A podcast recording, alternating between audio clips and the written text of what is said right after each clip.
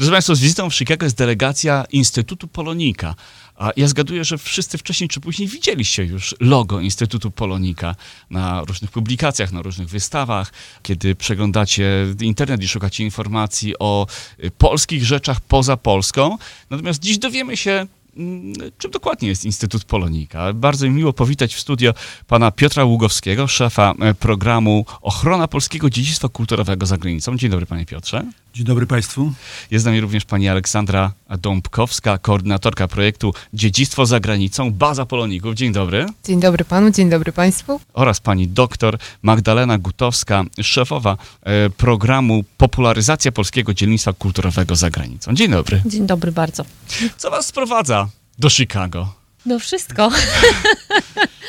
Co nas sprowadza? No przede wszystkim e, chcielibyśmy mm, opowiedzieć o tym, co teraz robimy, gdzie mm, Polonika jest e, w Ameryce, czym się, czym się zajmuje. Trochę opowiedzieć o samej e, Polonice, bo rzeczywiście nasze logo gdzieś się przewija w, przestrzeni, e, więc e, chcemy się przedstawić, chcemy zaprosić do współpracy, bo mamy takie poczucie, że to jest miejsce, które ma do każdego z naszych programów, także do programu badania, który prowadzi Ania Śmiechowska-Rudek, pani doktor Ania Śmiechowska-Rudek. Ten jakby Stany cały czas są obecne w każdym naszym, e, w każdym naszym programie strategicznym i w zasadzie we wszystkich e, naszych działaniach, w związku z czym e, no, fajnie tu być. Zacznijmy w takim razie od początku. Czym jest Instytut Polonika? Instytut Polonika jest to wyspecjalizowana, można powiedzieć, instytucja kultury założona przez, założona przez ministra kultury w 2017 roku. Y, A tak naprawdę działalność nasza y, rozpoczęła się od y, 2018. Y, Składa się ona z trzech pionów strategicznych, takich, czyli ta cała działalność, która jest realizowana, czyli pion badania, ochrona i popularyzacja polskiego dziedzictwa kulturowego za granicą. Do tego dochodzą programy, programy grantowe, czyli program, em, takie programy, dzięki którym można dosta- dostać e, finansowanie na projekt, który chcemy zrealizować. To są albo projekty związane z ochroną polskiego dziedzictwa kulturowego za granicą, który jest e, prowadzony, znaczy my go prowadzimy, ale to jest e, program Ministerstwa e, Kultury i program wolontariacki, to jest program ściśle Instytutu Polonika, czyli mamy genialny pomysł e, lub mamy po prostu pomysł, chcemy coś zrobić e, i e, zbieramy wolontariuszy i go realizujemy. To jest bardzo ważny ten element wolontariacki. Ten program prowadzi Marta, e, Marta Szymska u nas e, w Instytucie i dochodzi e, projekt, który został zainicjowany w marcu tego roku, czyli Dziedzictwo za granicą Baza Poloników, który e, koordynuje e, Ola Dąbkowska. E, Projekt, który będzie, jest never ending story, będziemy zawsze przy nim pracować i zawsze go uzupełniać, ponieważ e, Ola o tym opowie, ale w skrócie chodzi o to, że chcemy zebrać e, poloniki, chcemy wiedzy, zebrać wiedzę o polonikach na całym świecie w jednym miejscu, czyli byłoby cudownie, gdyby ktoś szukając informacji po prostu kliknął, bo, e, bo dzieje się tam dużo i, i są nie tylko oczywiste, e, z- oczywiste poloniki, i też są poloniki ze Stanów oczywiście. Kim są ludzie pracujący w Polonice? Czy są to historycy, historycy sztuki? A zgaduję, że macie mnóstwo, mnóstwo informatyków. Wszyscy, ja myślę, że przede wszystkim pasjonaci, historycy, historycy sztuki, e, konserwatorzy, prawda? Tak.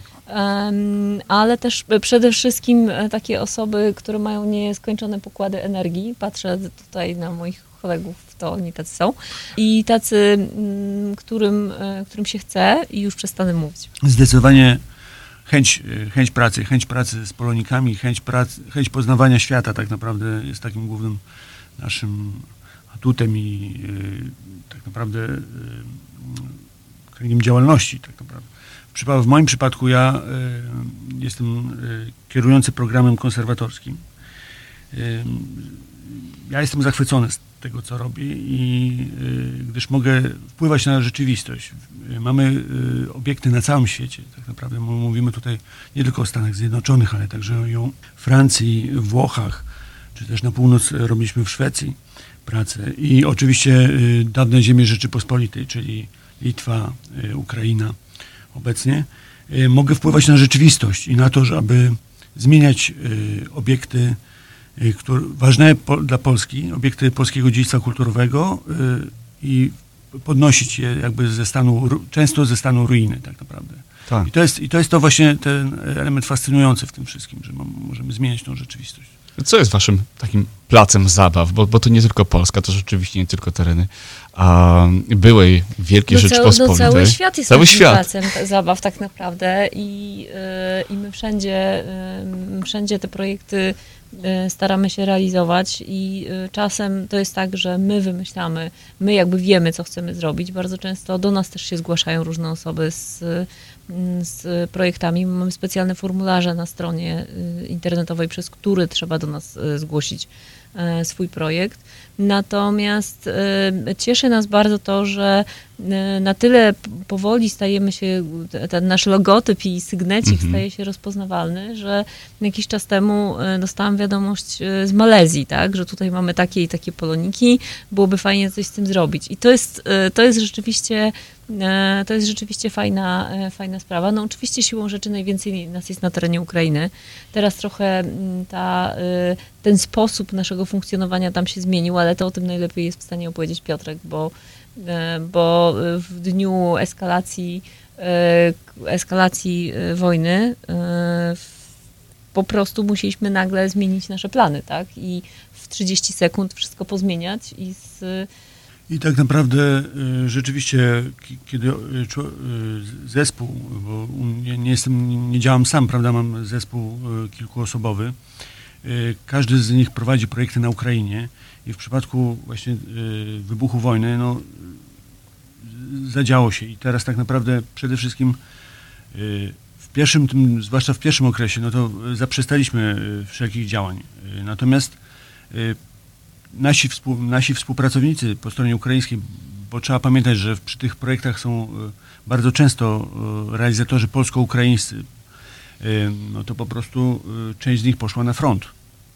E, I tutaj e, część projektów została przez to też wstrzymana na jakiś czas. I oni cały czas, e, mamy takiego kolegę konserwatora, który, Maxa, który jest cały czas na froncie, jest medykiem, i w pierwszej linii frontu ściąga y, ludzi, a wcześniej pracował przy nagrobkach y, na przykład na cmentarzu Łyczakowskim czy na cmentarzu Janowskim w Lwowie, prawda? I to było y, ze względów takich ludzkich też y, ta rzecz straszna, natomiast y, po, rzeczywiście po pół roku od rozpoczęcia wojny już wskrzesi, wskrzesiliśmy większość projektów i tak naprawdę teraz już na zachodniej Ukrainie bardzo te działania wojenne są bardzo ograniczone. Są to jedynie tak naprawdę czasowe, czasami ataki rakietowe. Natomiast, natomiast no, polscy konserwatorzy jeżdżą tam. My tam jeździmy. Ja chwilę przed, dosłownie chwilę przed y, przyjazdem tutaj do Stanów byłem też na Ukrainie. Y, My tam jeździmy, my koordynujemy te projekty i my y, mimo wszystko chcemy dać tym ludziom, zwłaszcza tej po stronie ukraińskiej, pracę też, żeby oni mogli po prostu w tej trudnej rzeczywistości dla siebie egzystować jeszcze i korzystać jakby. No tak, ale nie zapominajmy o Tak. zabezpieczeniach, tak? Tak, Przecież tak, to też o- się działo. To było tak, pierwszym, pierwszy- pierwszą rzeczą po, po, od razu, to była zmiana prac konserw- jakby zmiana, Zmiana, trwających tak, prac dokładnie, dobrze konserwatorskich na natychmiastowe zabezpieczanie, czyli Czyli e, zabijanie okien, okładanie tymi wszystkimi siatkami tych obiektów. Oczywiście wiadomo, to Że- Marta Kruczyńska o tym e, mówiła, że wiadomo, że em, na pytanie, ktoś ją kiedyś zapytał, prawda? Tak. Czy, e, czy e, to e, obudowanie tych rzeźb siatką ją zabezpieczy? No nie zabezpieczy, ale Nie przynajmniej zabezpieczy, trochę pomoże. Znaczy jak rakieta uderzy, to wiadomo, że to jest y, dzieło stracone. Natomiast, natomiast y, przed podmuchami, przed siłą uderzeniową tą, która idzie, y, rzeczywiście to możemy y, zabezpieczyć te obiekty. Oczywiście y, my mówimy tutaj głównie o y, obiektach, gdzie jest y, tak naprawdę, czyli zachodnia Ukraina, y, gdzie te działania są ograniczone. Y, My prowadzimy pracę tak do poziomu, do poziomu Kijowa i Berdyczowa jeszcze. Y, Później już ta wschodnia Ukraina, tam nie ma tego polskiego dziedzictwa. Nie tak dużo. No nie tak dużo. Więc wiadomo, że głównie te ziemie dawnej Rzeczpospolitej. Natomiast to było też nie tylko samo, bo oczywiście wszystkich obiektów nie jesteśmy w stanie w pełni zabezpieczyć. Natomiast przede wszystkim y, udało się y, ponad 200 y, cerkwi kościołów y, opatrzyć w y, sprzęt przeciwpożarowy, którego tam nie było. Więc y, gaśnice, koce y, przeciwpożarowe, to wszystko jechało na Ukrainę, to wszystko, w- te wszystkie y, rzeczy zaopatrywaliśmy te kościoły, bo nie wszędzie jesteśmy. Nie zawsze też chciano, żeby zabezpieczać konkretne rzeźby, ze względu na to, że ludzie jednak idą do kościołów y, po to, żeby y, spotkać się z Tak, szczególnie Bogiem. tam na wschodzie. Tak, tak, tak. Obecność Spotkać- ikon i rzeźby ma, ma bardzo Dokładnie, duże ale też spotkać się z Bogiem i poczuć normalność w, tym, Mhm. w tej trudnej rzeczywistości, więc to po prostu też nie wszędzie y, była na to zgoda też. No nie to każdy chciał te tak, pudła nie widzieć, tak, w kościele. No to rzeczywiście, no, z jednej strony chodzi o, o bezpieczeństwo ludzi, z drugiej strony chodzi o zachowanie e, kilkusetletniego dziedzictwa, prawda? Więc, więc te decyzje trzeba było podejmować często, zdaję sobie sprawę, natychmiast i podejmować naprawdę bardzo trudne decyzje. Chciałbym porozmawiać o projektach, które realizujecie i zacznijmy może od, od tej bazy danych. Dziedzictwo za granicą, baza poloników, to ogromne przedsięwzięcie. Da się to skatalogować w ogóle? Da się, znaczy mamy nadzie- e, taką nadzieję i nawiązując do tego, co już powiedziała Magda e, o placu zabaw, ten plac zabaw e, powiększa się. Na szczęście się powiększa e, i takim e, działaniem, które mi, nam to uświadomiło, był wakacyjny konkurs, podczas którego ludzie przez dwa miesiące właściwie jeżdżąc gdzieś tam na wakacje, w, w podróż, e, wysyłali nam fotografie z całego świata albo swoje tak zwane selfie z tymi obiektami, albo same obiekty. E, I to były rzeczy naprawdę tak przeróżne, że no nie spodziewaliśmy się, mimo tego, że no pracujemy prawda, w, tym, w tym obszarze e, i, i wiemy, że tych państw rzeczywiście jest bardzo dużo, bo na początku, gdy wystartowaliśmy z bazą w marcu tego roku, to tych państw już wtedy było ponad 50 i Wow. teraz jest ich jeszcze więcej. E, Dochodzą jakieś takie obiekty mm, bardzo ciekawe, były wyspy oceaniczne i wyspa Kiribati, gdzie okazało się, że jest piękny drewniany kościółek świętego Stanisława, e, polska parafia, o czym w ogóle nie miałam pojęcia, jest naprawdę prześliczny. E, No i ktoś tam postanowił pojechać e, i zrobić sobie takie, takie zdjęcie pamiątkowe z wakacji. E, Także ten plac zabaw nas, e, nasz się powiększa. E, I to, co jest też istotne, o czym e, wspomniał Piotr przy omawianiu konserwacji i tych wszystkich e, prac, no tak samo tutaj ta baza by nie działała bez ludzi. Po pierwsze, poza nami, oczywiście poza Instytutem, gdzie, gdzie wkładamy tam bardzo dużo i, i koordynujemy jakoś to wszystko, bo to są setki, znaczy setki, w tym momencie dziesiątki, ale będą setki tysięcy wpisów prawdopodobnie w najbliższej przyszłości. Em, Poza nami e, jest cała masa osób, które przy tym pracują, które em, przekładają tę taką oryginalną papierową dokumentację tych wszystkich zabytków na formę zdigitalizowaną. E, Żebyśmy mogli to udostępnić, to jest w tym momencie ponad 20 osób właściwie, które współpracuje.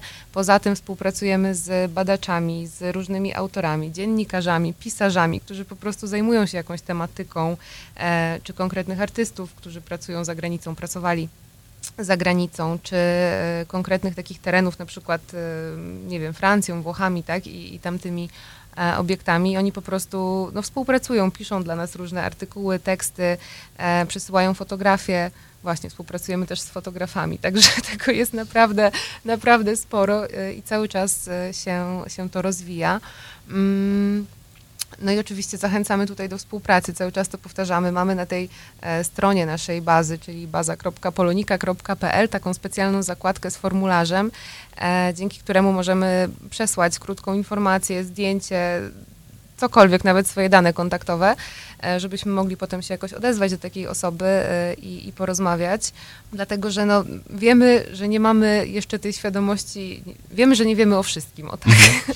I na pewno, na pewno jest cała masa rzeczy, które, e, które super, gdyby się znalazły w tej naszej bazie i super, gdybyśmy mogli to udostępnić, bo no, ten temat dziedzictwa bywa ciężki, e, jest, jest no, historyczny, tak? I on bywa nie do końca e, dla wszystkich taki mm, łatwy, jeżeli chodzi o, o, o przyjęcie, e, więc no, za pośrednictwem chyba tego, co jest w tym momencie najbardziej takie adekwatne i przystosowane, tak, do, szczególnie dla młodych ludzi, czyli strony internetowej. Um, możemy jakoś próbować dotrzeć z, z tą tematyką i, i, pokazać, że to jest po prostu super, że to jest fajne, że ta nasza historia e, Polski no, nie mieści się tylko w Polsce i wychodzi daleko, daleko poza nią. No i tak, no to jest super projekt, bardzo duży i, i rzeczywiście niekończący się chyba nigdy.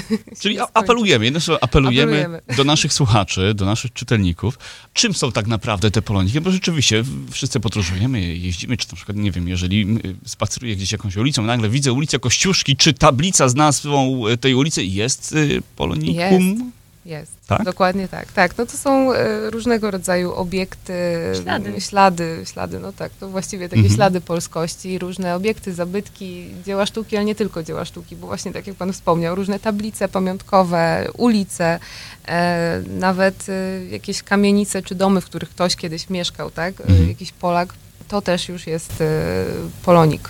Jaki jest endgame przysłowiowy, kiedy, kiedy ta baza będzie, no, prawda, nie, ale prawie kompletna, taka już naprawdę duża. Nigdy, naprawdę nigdy, no nie mamy pojęcia. To e, w ramach tego konkursu na przykład latem e, zgłosiła się, mm, to znaczy generalnie założenie było takie, że każda osoba może zgłosić e, jeden obiekt, to znaczy jedno zdjęcie nam wysłać danego obiektu z zagranicy. E, natomiast e, można było tych obiektów zgłaszać właściwie taką nieograniczoną ilość i, i, i pamiętam taką panią, która wysyłała mm, dużo takich mniejszych właściwie tych, tych, tych obiektów, to znaczy jakichś takich pamiątek rodzinnych, mhm. zdjęcia książek, listów, też pomników nagrobnych, czy nawet części tych pomników zachowanych, które były jakoś tam związane E, z jej po prostu e, przodkami. Tu akurat mam na myśli Wilno, Litwę. E, natomiast no, ja, wydaje nam się, że jest na pewno bardzo dużo takich osób, które właśnie historycznie, rodzinnie gdzieś tam mają, mają całkiem sporo do, do opowiedzenia i do pokazania. I kiedy my to zbierzemy, no kilkadziesiąt lat i nasze wnuki, nie? To tak jak z inwentaryzacjami cmentarzy, tak? To jest też never ending story, ponieważ tak jeździmy, wysyłamy naszych współpracowników po to, żeby, żeby przeprowadzać inwentaryzację cmentarzy poza granicami Polski. Najwięcej ich jest na terenie Ukrainy, Litwy, Łotwy.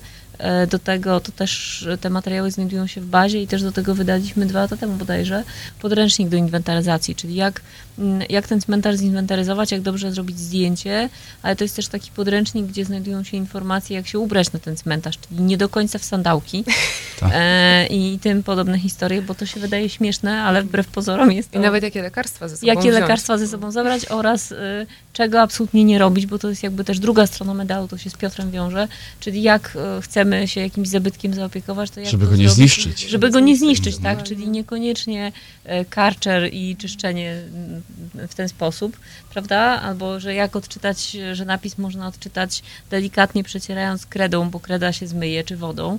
Niekoniecznie y, malować farbą olejną, więc y, dużo jest, dużo jest takich rzeczy. Natomiast y, z tymi inwentaryzacjami też tak jest, że one są robione od bardzo wielu lat a to też jest na tyle cenna, e, cenna wiedza, że jadąc w jedno miejsce, czasami tych inwentaryzacji jest robionych kilka, więc my mamy ten wgląd i tą możliwość zobaczyć, co się da, działo z danym miejscem przez powiedzmy 15-20 lat które nagrobki zginęły, które się rozpadły, prawda, a które nie daj Boże miały coś dobudowane, bo takie rzeczy tak też, też no się właśnie. zdarzają, no. więc to się nigdy nie skończy.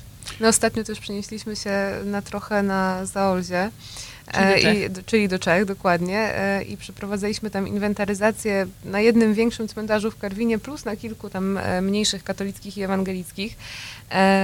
No i zajęło nam to tydzień właściwie cały i naprawdę były to pracowite dni. Natomiast ludzie, którzy tam mieszkają, są tak absolutnie otwarci i nastawieni na współpracę. Okazało się, że tych wszystkich cmentarzy w takich różnych wioskach, małych miejscowościach jest tam dużo, bardzo dużo, więc jeszcze jest co robić.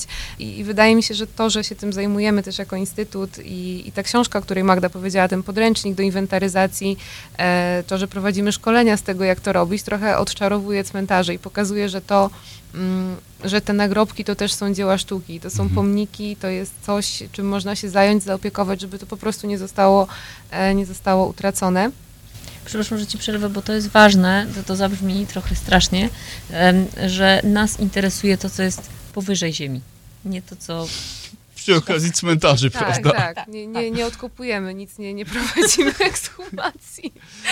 Nie, A opowiedzcie się- może, y, co dzieje się tutaj konkretnie w Stanach Zjednoczonych. Naszych, naszych słuchaczy na pewno najbardziej będą interesowały te projekty robione tutaj w Stanach, w Ameryce.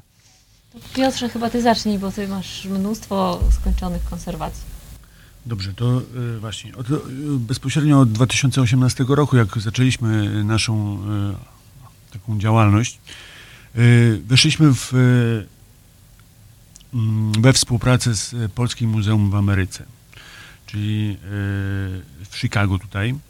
I już to jest szósty rok projektu tak naprawdę. I pierwotnie y, założenie było takie, aby y, przygotować y, obiekty do pokazania na, wysta- na rocznicę wystawy światowej, 80-lecie wystawy światowej. I wówczas podjęliśmy współpracę z panią Małgosią Kot, a także z firmą lokalną Parma Conservation, która realizowała te projekty konserwatorskie. I y, na początku było to kilka obrazów y, takich naj, znajdujących się w najgorszym stanie techniczym, potem y, coraz więcej, coraz więcej.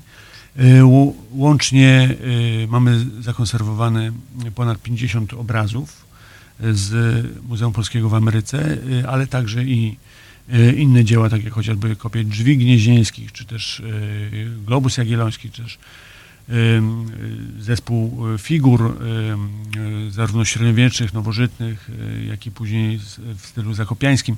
Tak więc tych projektów było bardzo dużo i łącznie już tak może tak powiedzieć, to chyba około pół miliona złotych. Za pół miliona złotych sfinansowaliśmy konserwację obiektów w Muzeum Polskim w Ameryce. Natomiast Też od dwóch lat y, współpracujemy z Polskim Instytutem Naukowym y, w Nowym Jorku, który ma nie tak bogatą kolekcję. Y, Natomiast y, rzeczywiście sukcesywnie staramy się y, realizować y, tam projekty konserwatorskie, tym razem z inną już lokalną firmą z New Jersey. Y, I y, w tym roku robimy, wiem, że robimy chociażby obraz Jacka Melczewskiego, ale także i autoportret Olgi Poznańskiej.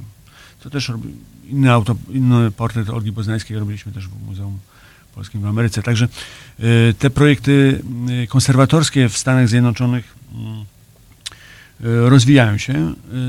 Natomiast też realizowaliśmy może z takich innych rzeczy, po, poza Stanami, ale z osobami, które były związane ze Stanami Zjednoczonymi, chociażby rodzina Paderewskiego. Y, W dwa- w 2018 roku y, y, przeprowadziliśmy konserwację grobu małżonki y, Paderewskiego y, i jego syna y, na cmentarzu w Memorancy. Czyli y, tutaj y, mamy bezpośrednią osobę, która jest związana jakby z, ze Stanami Zjednoczonymi, ale także podejmujemy na tym cmentarzu, podjęliśmy różne inne inicjatywy, chociażby dla y, takich osób, które były ważne dla Rzeczpospolitej, dla naszego narodu, jak chociażby y, nagrobek Mickiewicza czy nagrobek Norwida, został zakonserwowany w ubiegłych latach. W tym roku skończyliśmy nagrobek Juliana Ursyna Niemcewicza. To jest ta wielka emigracja, która wyjechała. mm, Może nie jest to bezpośrednio związane jakby z, z projektami stanu, natomiast dla y, kultury Rzeczpospolitej, dla historii jest to dosyć istotne. Ogromne znaczenie. Y, Wasze, prowadzicie również y, piękną działalność edukacyjną. Efekty waszej pracy są opracowywane, wydawane w postaci pięknych książek, pięknych albumów.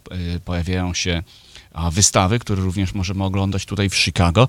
Ja chciałbym skoncentrować się nad projektem publikacji dokumentującej polskie kościoły tutaj w Chicago. No szalejemy, to prawda. Mhm. Em, tak, to jest em, część, em, ważne jest to, że część, ponieważ Instytut Polonika funkcjonuje od e, pięciu lat, e, ponad pięciu lat, natomiast e, sporo tych projektów działo się wcześniej. To nie jest tak, że one nagle pojawiły się w momencie, kiedy powstał Instytut. I ta mm, publikacja, o której, e, której mówimy, teraz powstanie trzeci tom i jest też czwarty dotyczący e, Kanady, który już funkcjonuje. To są materiały, które powstały w wyniku e, projektu prowadzonego e, wcześniej. Pod, to był projekt realizowany przez profesora Jacka Gołębiowskiego z Lublina, który prowadził inwentaryzację polskich kościołów i parafii w Stanach Zjednoczonych. E, I pierwszym rzeczywiście miejscem e, było Chicago, w związku z czym my postanowiliśmy, że szkoda, żeby te materiały e, leżały gdzieś, nie wiadomo gdzie, wykorzystajmy to, tak? Zwłaszcza, że zdjęcia są, to są mm, publikacje, gdzie przepiękne fotografie wykonał Norbert Piwowarczyk. No i cały zespół przy tym pracował, w związku z czym to są takie mm, książki, w których których e, jest nie tylko kalendarium danego obiektu, nie tylko zdjęcia, plan, ale przede wszystkim historie. I te historie e, to jest coś, co jest najważniejsze. Mam takie poczucie e, w moim programie, który prowadzę, ponieważ my opowiadamy te historie dla ludzi, którzy nie mają pojęcia o tym, co czytają. W związku z czym takie historie jak kto kogo zastrzelił, na kogoś e, zastrzelił, tak? Mówię o tych początkowych, e, e, początkowym czasie, gdzie w jednej z parafii okazało się, że istnieje dwóch proboszczy, z czego jeden był nieprawdziwy. Lokalna społeczność wybrała tego Proboszcz i nieprawdziwego. antyproboszcz. Tak, tak, tak. No więc to są, to są historie, które zupełnie inaczej się czyta i, i zupełnie inaczej patrzy się na te zdjęcia tych wnętrz. To, to na pewno. W związku z czym dzisiaj wieczorem na spotkaniu opowiemy o tych e, książkach, ale też em, opowiemy o mm, też amerykańskiej, e, amerykańskiej publikacji, czyli książce, która wyszła dopiero co, e, Jac, e, przepraszam, Stanisława Stolarczyka o polskich śladach w Kanadzie. To też, jest, to też są bardzo ciekawe historie e, i to też są historie tych polsko brzmiących e, miejscowości w danym miejscu, czyli pytanie, dlaczego jest tyle razy Kraków albo Warszawa gdzieś, tak? E, Co, co może czasem się wydać dziwne, ale książki to jedna, ale rzeczywiście mm, do tego wszystkiego też gdzieś realizujemy wystawy, bo mamy takie poczucie, że jednak ludzie lubią oglądać obrazki, a jak są ładne, to już w ogóle super, a są ładne, w związku, w związku z czym To są wystawy mobilne, które sobie podróżują nie tylko po Polsce, ale po całym świecie. Natomiast każda taka wystawa niestety ma swój termin ważności e, i w momencie, kiedy ona się kończy, przenosimy nie, nie jeden do jednego, ale dość podobnie te wystawy na platformę Google Art and Culture po to, żeby, żeby one tam sobie funkcjonowały. One są wielojęzyczne, także każdy może e, się czegoś e, więcej dowiedzieć. Także e, tak, chcemy opowiadać. Chcemy opowiadać o tych niezwykłych rzeczach, bo mamy takie poczucie, że bardzo dużo osób nie ma pojęcia o tym, że w ogóle cokolwiek się dzieje e, za granicą. Stąd e, zrobiliśmy te mm, pięć lat temu badania fokusowe, próbując się dowiedzieć, co kto e, wie i e, no, nikt nic nie wie. E, W związku z, w związku z powyższym, e, znaczy Nie, przesadzam, no, tak? często no może, pojawia się papież jednak, tak, nie? to znaczy- Najczęściej. tak, To- ale tak. no może 2% wtedy, tak? To, Mhm. to było, że ktoś był w stanie odpowiedzieć, no bo na hasło, e, co to jest polonik, były odpowiedzi ry- rybka w Australii, rodzaj kapelusza na głowę i tym podobne historie, tak? I rzeczywiście, jak już dochodziliśmy do tego, że wiemy, czym jest polonik, to odpowiedzi były takie, że najbardziej znanym polonikiem na świecie jest papież na przykład.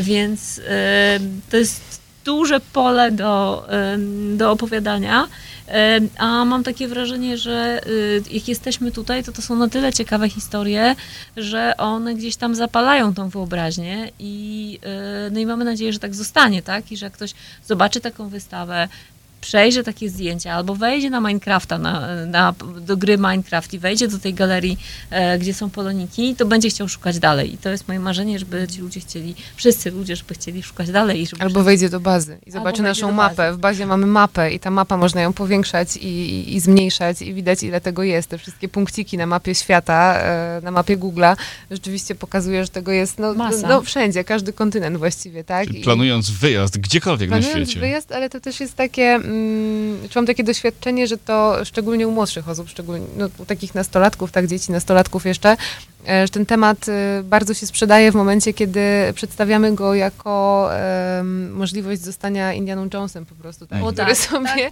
jeździ po świecie i zwiedza e, i może coś sprawdzić. I mieliśmy, to były warsztaty w Łotwie, nie? Łotwa, Ryga. E, Byłyśmy z Magdą na takich warsztatach, gdzie właśnie były no, dzieciaki 12-13 lat, ale poszliśmy na cmentarz Świętego Michała I pokazywaliśmy im nie tyle, jak inwentaryzować e, te cmentarze, te nagrobki, tylko jak o nie dbać, bo to też jest istotne. To była akurat szkoła, która się zajmowała w ogóle tym cmentarzem i oni tam co jakiś czas chodzą. Natomiast właśnie pamiętam dwóch albo trzech takich chłopaków e, lat 12, którzy bardzo, bardzo się wkręcili w cały ten temat, dlatego że no powiedzieliśmy im, że to jest bycie takim Indianą Jonesem, że możecie podejść sobie z tym plastikowym nożykiem i zdrapać ten mech i później wyczyścić tą, ten napis, tę inskrypcję i odczytać, kto tam jest pochowany, tak? I może jakąś historię tego człowieka sobie też potem wyszukać, no bo te historie E, dalej możemy tego szukać albo w internecie, albo w archiwach domowych, czy, czy gdzieś tam e, w bibliotekach miejskich, parafiach i tak dalej, no wszędzie dosłownie.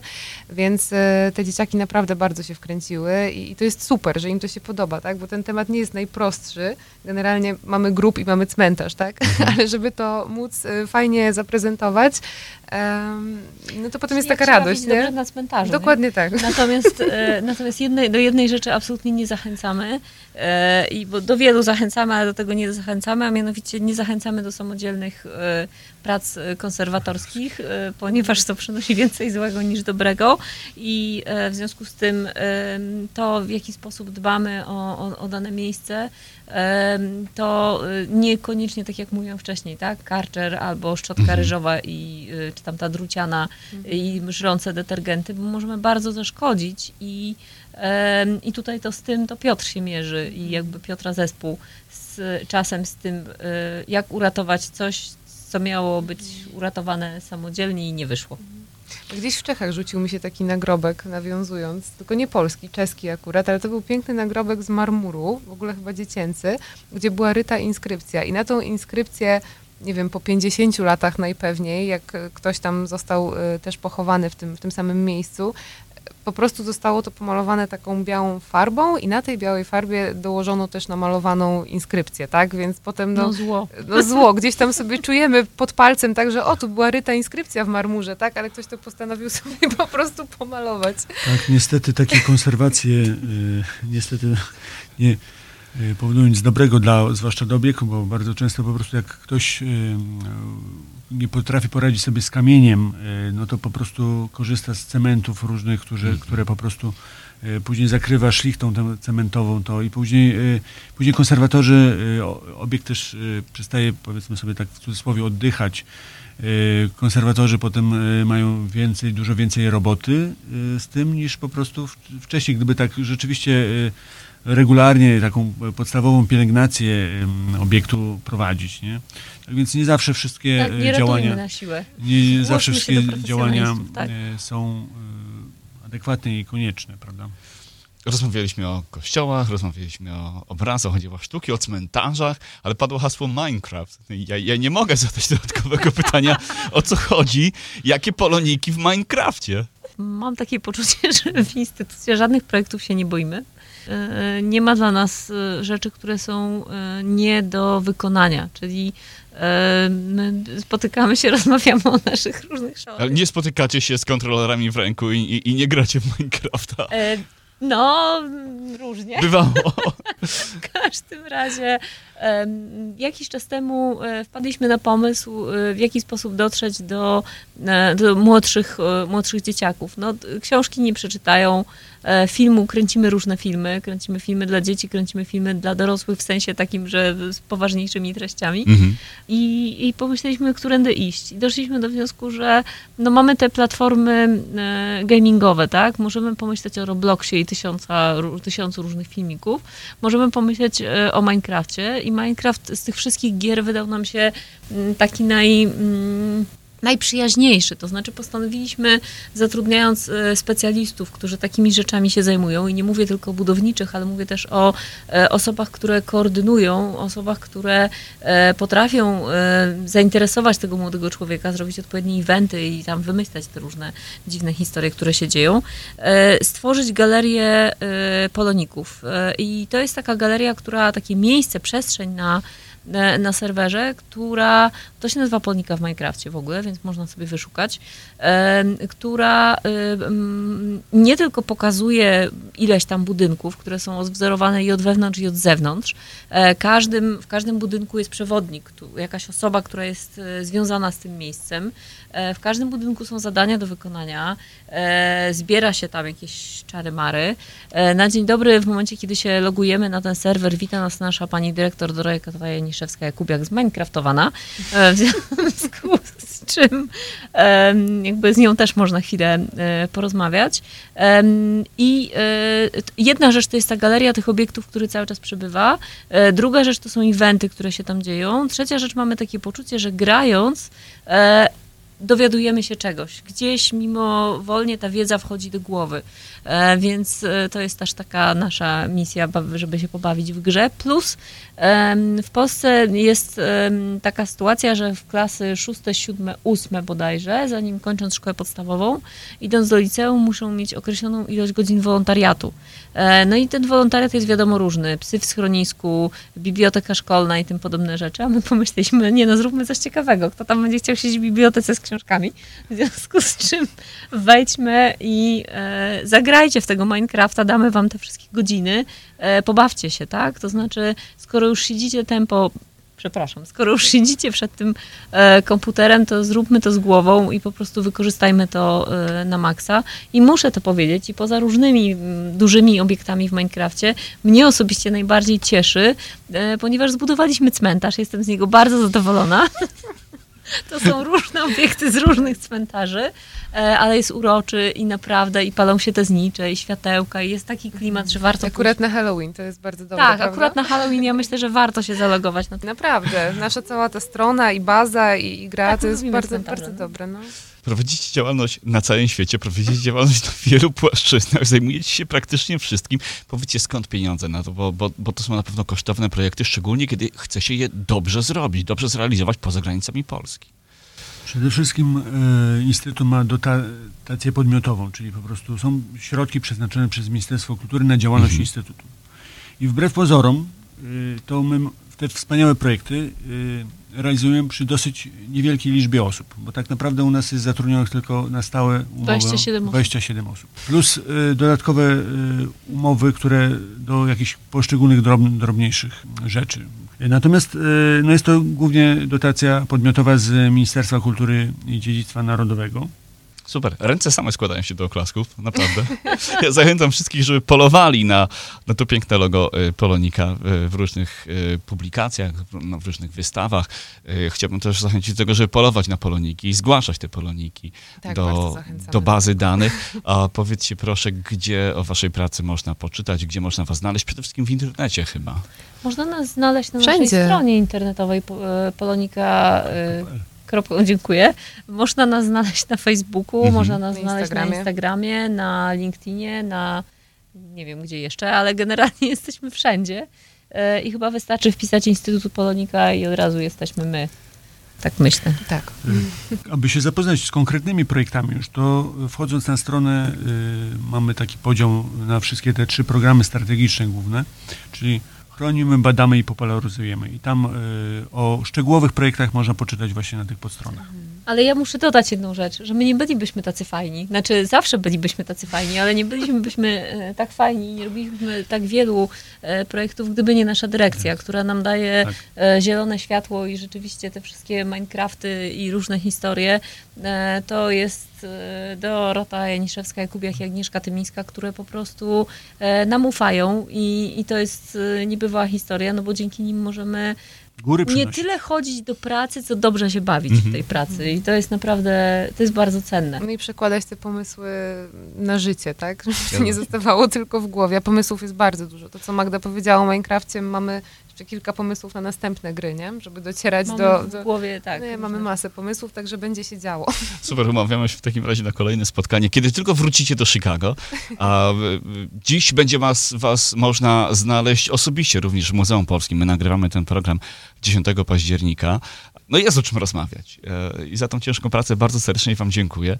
A naszymi gośćmi byli dziś przedstawiciele Instytutu Polonika, pan Piotr Ługowski, a pani Aleksandra Dąbkowska i pani doktor Magdalena Gutowska. Dziękujemy bardzo za wizytę Dziękujemy. bardzo bardzo. dziękujemy. i umawiamy się, że zapukacie do naszej redakcji, jak tylko będzie w Chicago następnym razem.